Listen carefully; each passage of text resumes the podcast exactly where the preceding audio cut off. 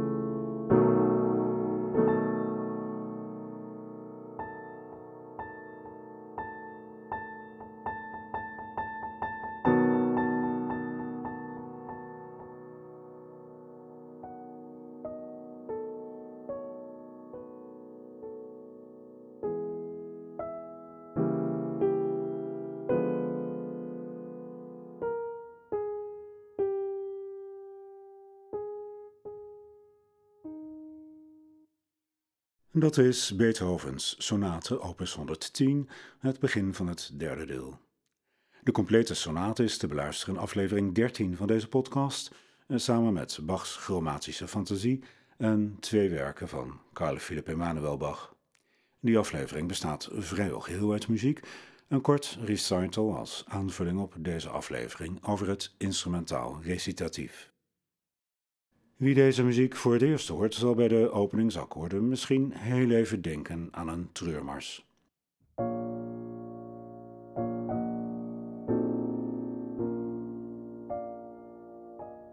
Dat idee wordt door de onverwachte harmonische wending van de volgende maat niet bevestigd.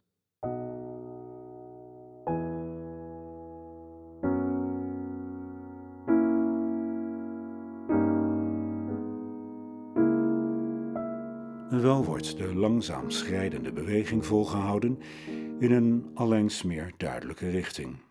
Die beweging stopt met een halfslot dat tegelijkertijd een aankondiging is, als een vette dubbele punt. Bij het arpeggio zou je al een vermoeden kunnen krijgen waar het hier om gaat, als je enigszins vertrouwd bent met de muzikale conventies van rond 1800. En wat we net gehoord hebben is de inleiding tot een recitatief. Een personage verschijnt op het toneel, tracht zijn of haar gedachten te focussen op wat ze wil gaan zeggen, of waarschijnlijker hardop zal denken. Die gedachte volgt, een korte zin.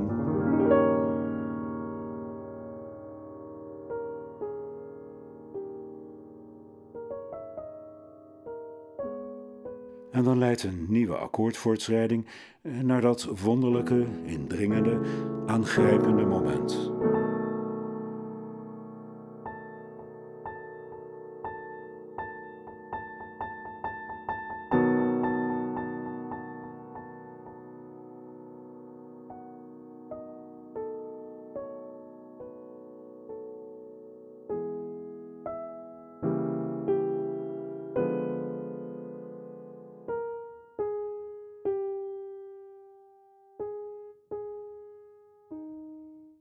28 a's achter elkaar. Een langgerekte, hoofdgesmoorde kreet, misschien, gevolgd door een berustende conclusie. We hebben dus te maken met een recitatief, al zet Beethoven dat er niet bij, maar bij deze maat.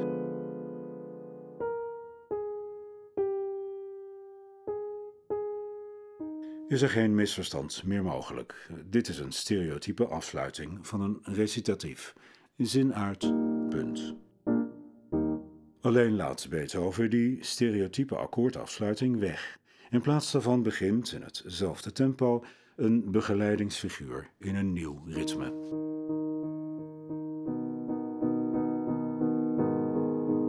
En daarbij heeft Beethoven wel een verklarend opschrift geplaatst in het Italiaans en Duits, arioso dolente, klagende gezang.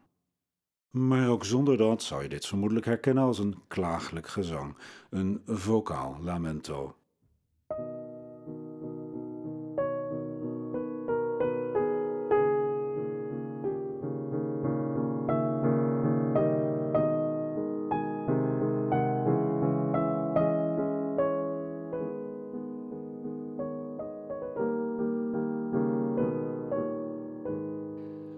Dus te maken met een recitatief en arioso, een aria-achtige gezongen monoloog, maar dan niet echt. Het is instrumentale muziek die vocale muziek voorstelt.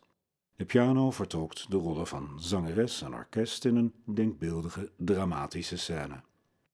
De vraag in hoeverre muziek iets kan voorstellen is omstreden, maar in ieder geval kan ze andere muziek voorstellen. En in het geval van instrumentale muziek die vocale muziek voorstelt, hebben we ook te maken met een bepaald soort tekst dat in die vocale muziek geïmpliceerd wordt. We zouden een sopraan kunnen vragen om de melodie te zingen, om dat wat wordt voorgesteld, recitatief en arioso, concreet en reëel te maken. Ze zou wel wat moeite kunnen hebben met de langste frasen en ze zou zeker niet de hoogste tonen kunnen produceren die erin voorkomen. En wat ze met die 28 A's aan moet, is echt een probleem. Het is een quasi-vocaal effect dat vocaal niet te evenaren is. Maar in ieder geval zou onze sopraan hebben gevraagd: wat is de tekst? Die zouden we erbij moeten verzinnen. Zoals ik in aflevering 7 voorstelde, waar het ging om een lied on a Je kunt verschillende teksten bedenken en onderzoeken welke beter met de muziek overeenkomt en waarom. De muziek suggereert een bepaald soort vocale uiting en je kunt proberen die expliciet te maken. Het probleem is alleen dat een toegevoegde tekst altijd te concreet is. Ze draagt een hoop betekeniselementen bij, eh, karakters, omstandigheden enzovoort, die willekeurig blijven. En daarmee lijkt het vaak of de woorden de muziek trivialiseren, ontluisteren, iets van haar gevoelswaarde ontnemen. Een lied zonder woorden herkennen we als lied, ook zonder woorden en zonder zang, omdat het een zingbare melodie heeft en je er een regelmatige poëtische vorming kunt herkennen. Op soortgelijke wijze herkennen we een recitatief als een dramatische monoloog in proza. Het recitatief is een soort spreekzang die is ontwikkeld in nauwe samenhang met het dan nieuwe genre van de opera rond 1600. Die ontwikkeling ging ook samen met die van de harmonische tonaliteit. De muzikale structuur die wordt bepaald door opeenvolgingen van samenklanken.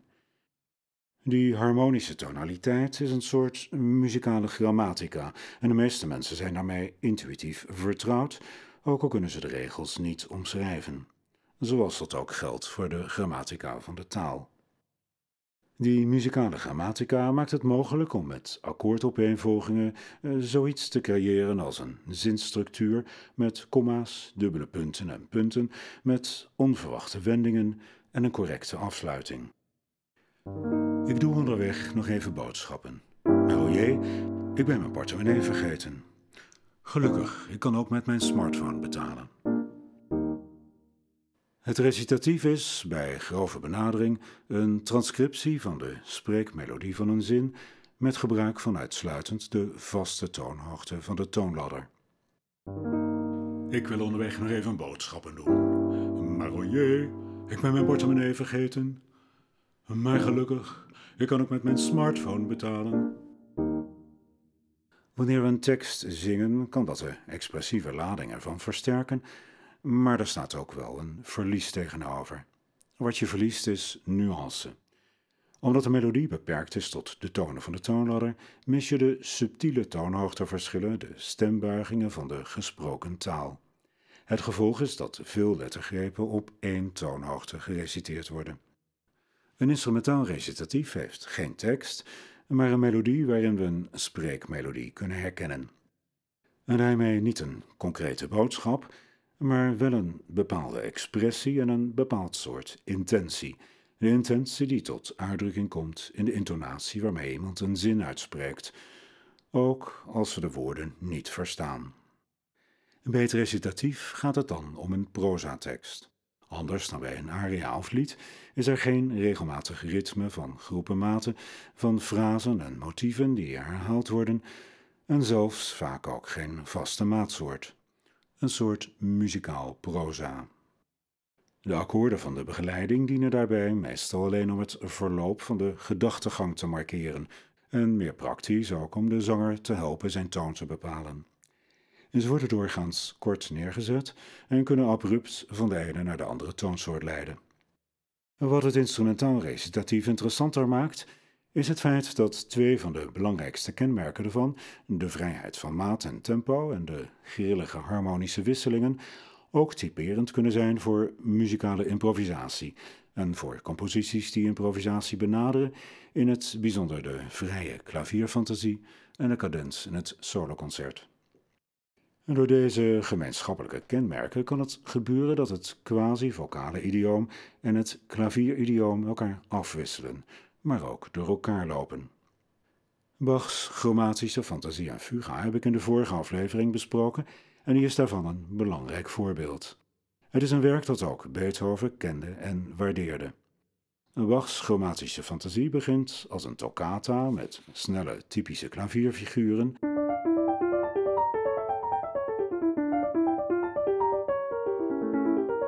maar gaat dan over in een recitatief met quasi gezongen frasen en korte begeleidingsakkoorden.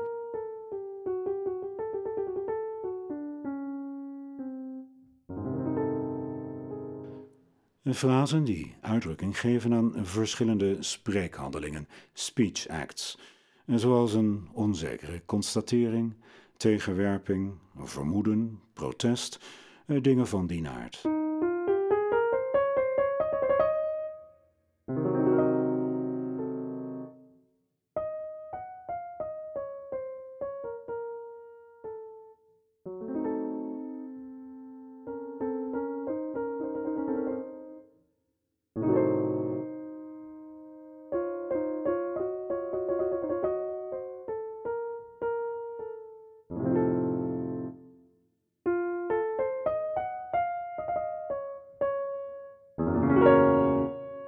Dat zet zich dan voort via verontwaardiging, twijfel en verdriet.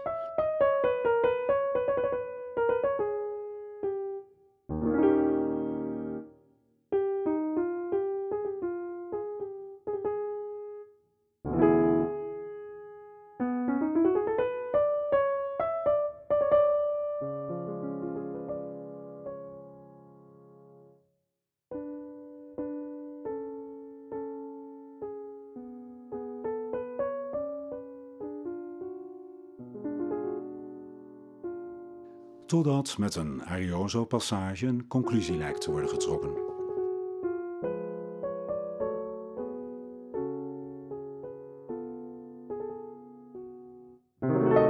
Maar onmiddellijk slaan schrik en twijfel weer toe. Om zich te ontladen in een passage die niets zingbaars meer heeft, maar die zich als dramatisch gebaar naadloos voegt in het betoog.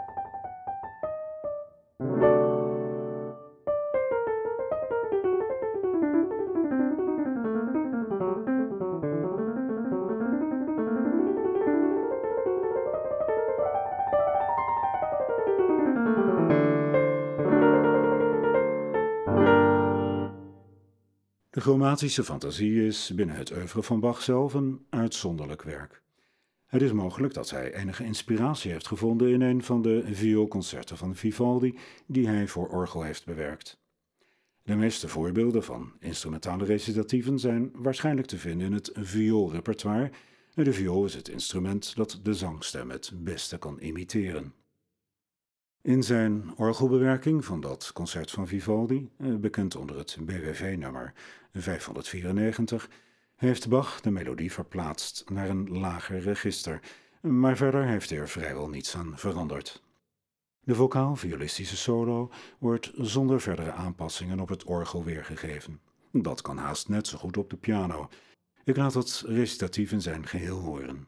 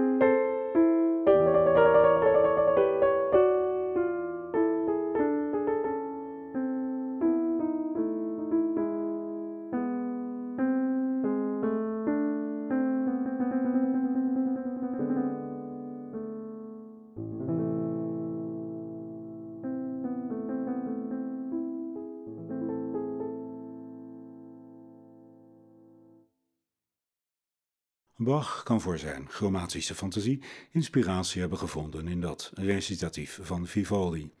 De chromatische fantasie op zijn beurt is binnen het oeuvre van Bach zelf een uitzonderlijk werk, maar ze had voor zijn leerlingen en de volgende generaties een voorbeeldfunctie.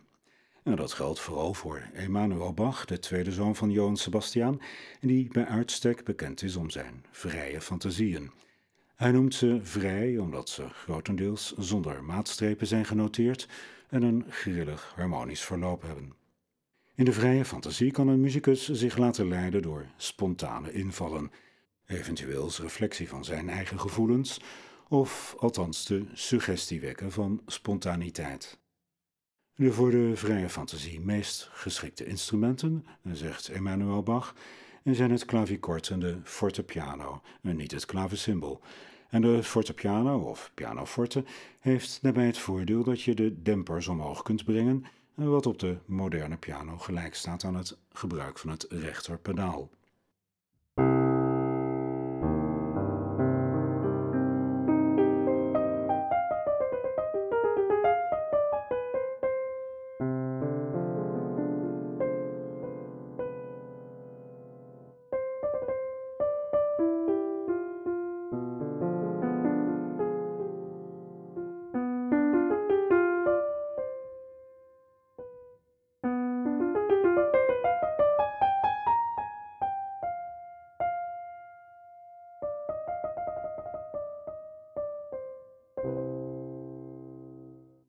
Dat was het begin van de vroegst bekende fantasie van Emanuel Bach. En die hele fantasie is te horen in het recital van aflevering 13. En ze was destijds, in de tweede helft van de 18e eeuw, een hoog gewaardeerd stuk. Karakteristiek is hoe Flor melodie, een zingbare melodie, hier als het ware voortkomen uit de gebroken akkoorden, waarbij het onderscheid tussen melodie en harmonie soms verloren gaat. Ik heb het er eerder over gehad dat de imitatie van vocale muziek ook, op een vrij abstracte manier althans, een tekst impliceert, of eerder een specifieke soort van vocale uiting, een speech act met een bepaald handelingskarakter. In het geval van deze fantasie van Emmanuel Bach voelde met de componist bevriende dichter zich verleid om er zijn literaire interpretatie aan toe te voegen, een tekst die als vocale partij uit de noten is afgeleid. Deze dichter, Heinrich Wilhelm von Gerstenberg, deed dit zelfs twee keer en hij koos daarvoor beroemde klassieke voorbeelden: Hamlet's To Be or Not To Be monoloog en de laatste gedachten van Socrates voor zijn gedwongen zelfmoord. Deze Gerstenberg zag dit als een experiment met betrekking tot een vraag die de muziekgeleerde destijds bijzonder interesseerde: of de expressieve inhoud van instrumentale muziek zich in woorden laat analyseren. Dat is nog steeds een interessant vraagstuk, maar er is geen aanwijzing dat Gerstenberg wilde dat de luisteraar beide teksten zou vergelijken, zoals ik dat in aflevering 7 heb voorgesteld. Daar ging het om een lied ohne worten van Mendelssohn. En de zin van zo'n vergelijking is dat je nagaat welke tekst, welke soort spreekhandeling beter past en waarom.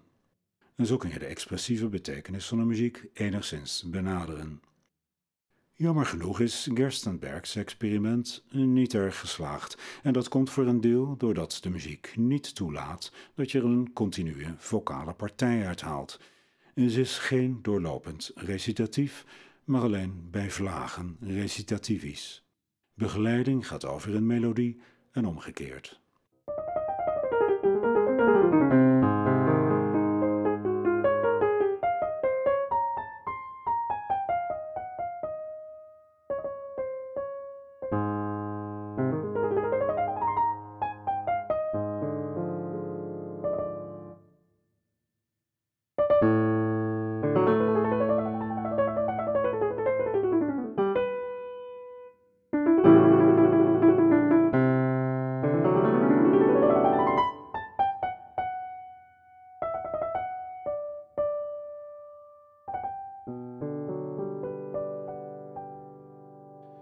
Het waar is dat deze muziek tot ons spreekt, en dat was zeker de bedoeling van de componist, En dan houdt dat niet in dat in de noten bepaalde woorden besloten liggen.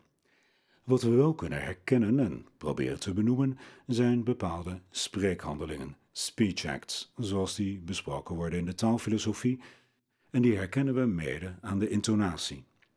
Intonatie geeft veel van onze intentie weer, onze bewuste en onbewuste bedoeling. Intonatie is dat wat intact blijft als we bij een gesproken zin de woorden weglaten, bijvoorbeeld door bla bla bla te zeggen.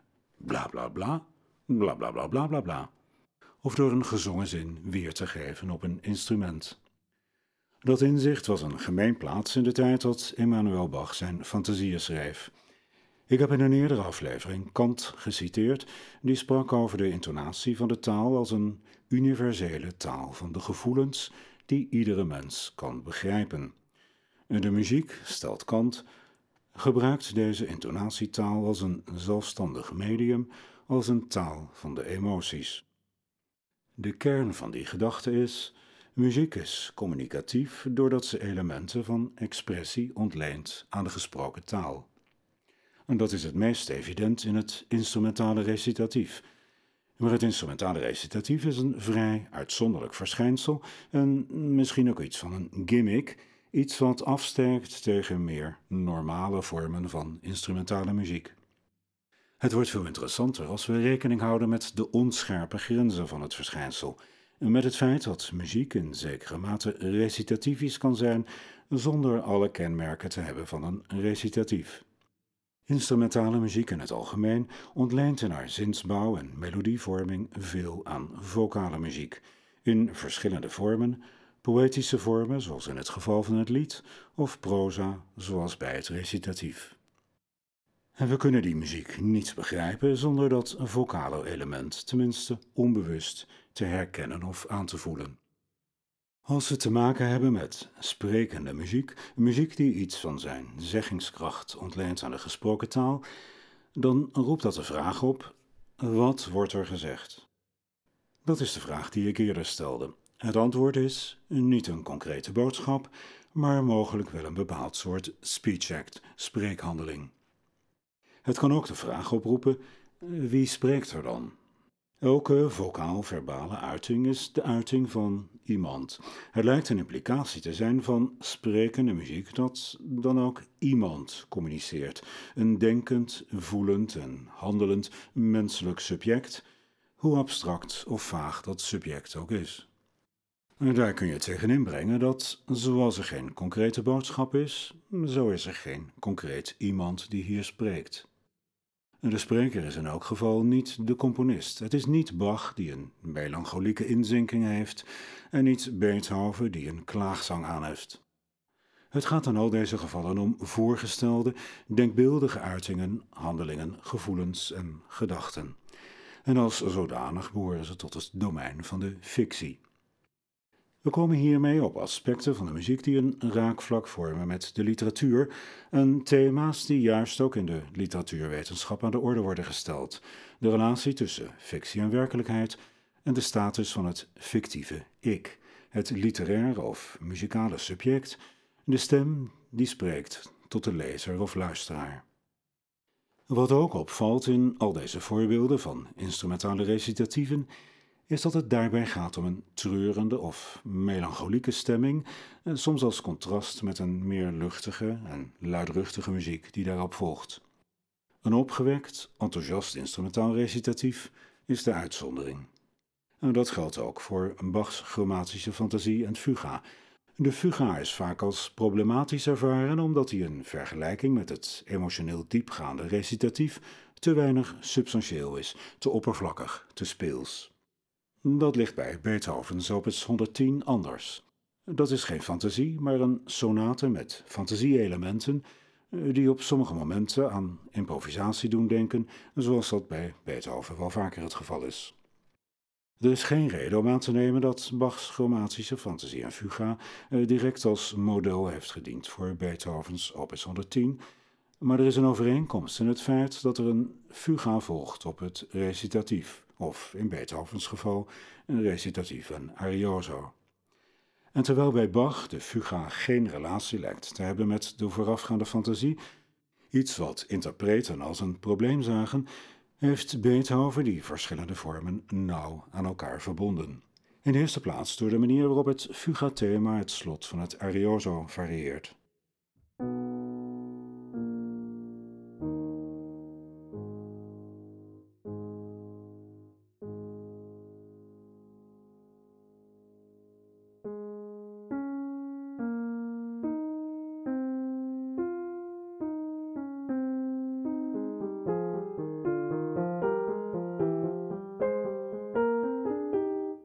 Vooral doordat binnen de fuga het arioso terugkeert en waarna de fuga opnieuw op gang komt met het thema in omgekeerde vorm.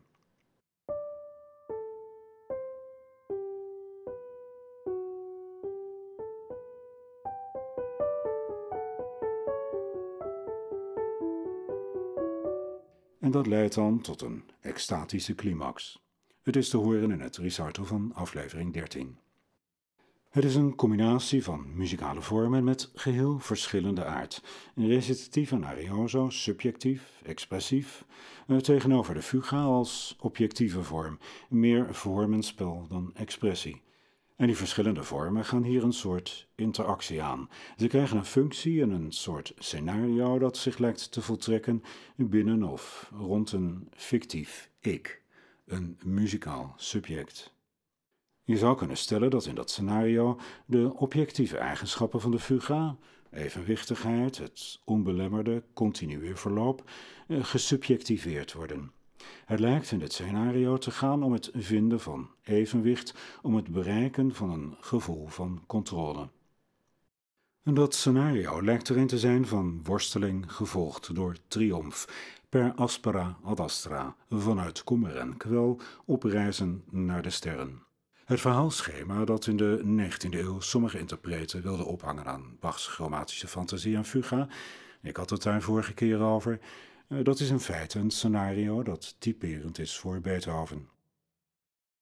Muziek en melancholie, muziek als fictie, het muzikale ik, eh, dat is stof voor volgende afleveringen. Dit was aflevering 12 van Voorbij de Oren. De bronnen gebruikt voor deze aflevering zijn te vinden in de show notes.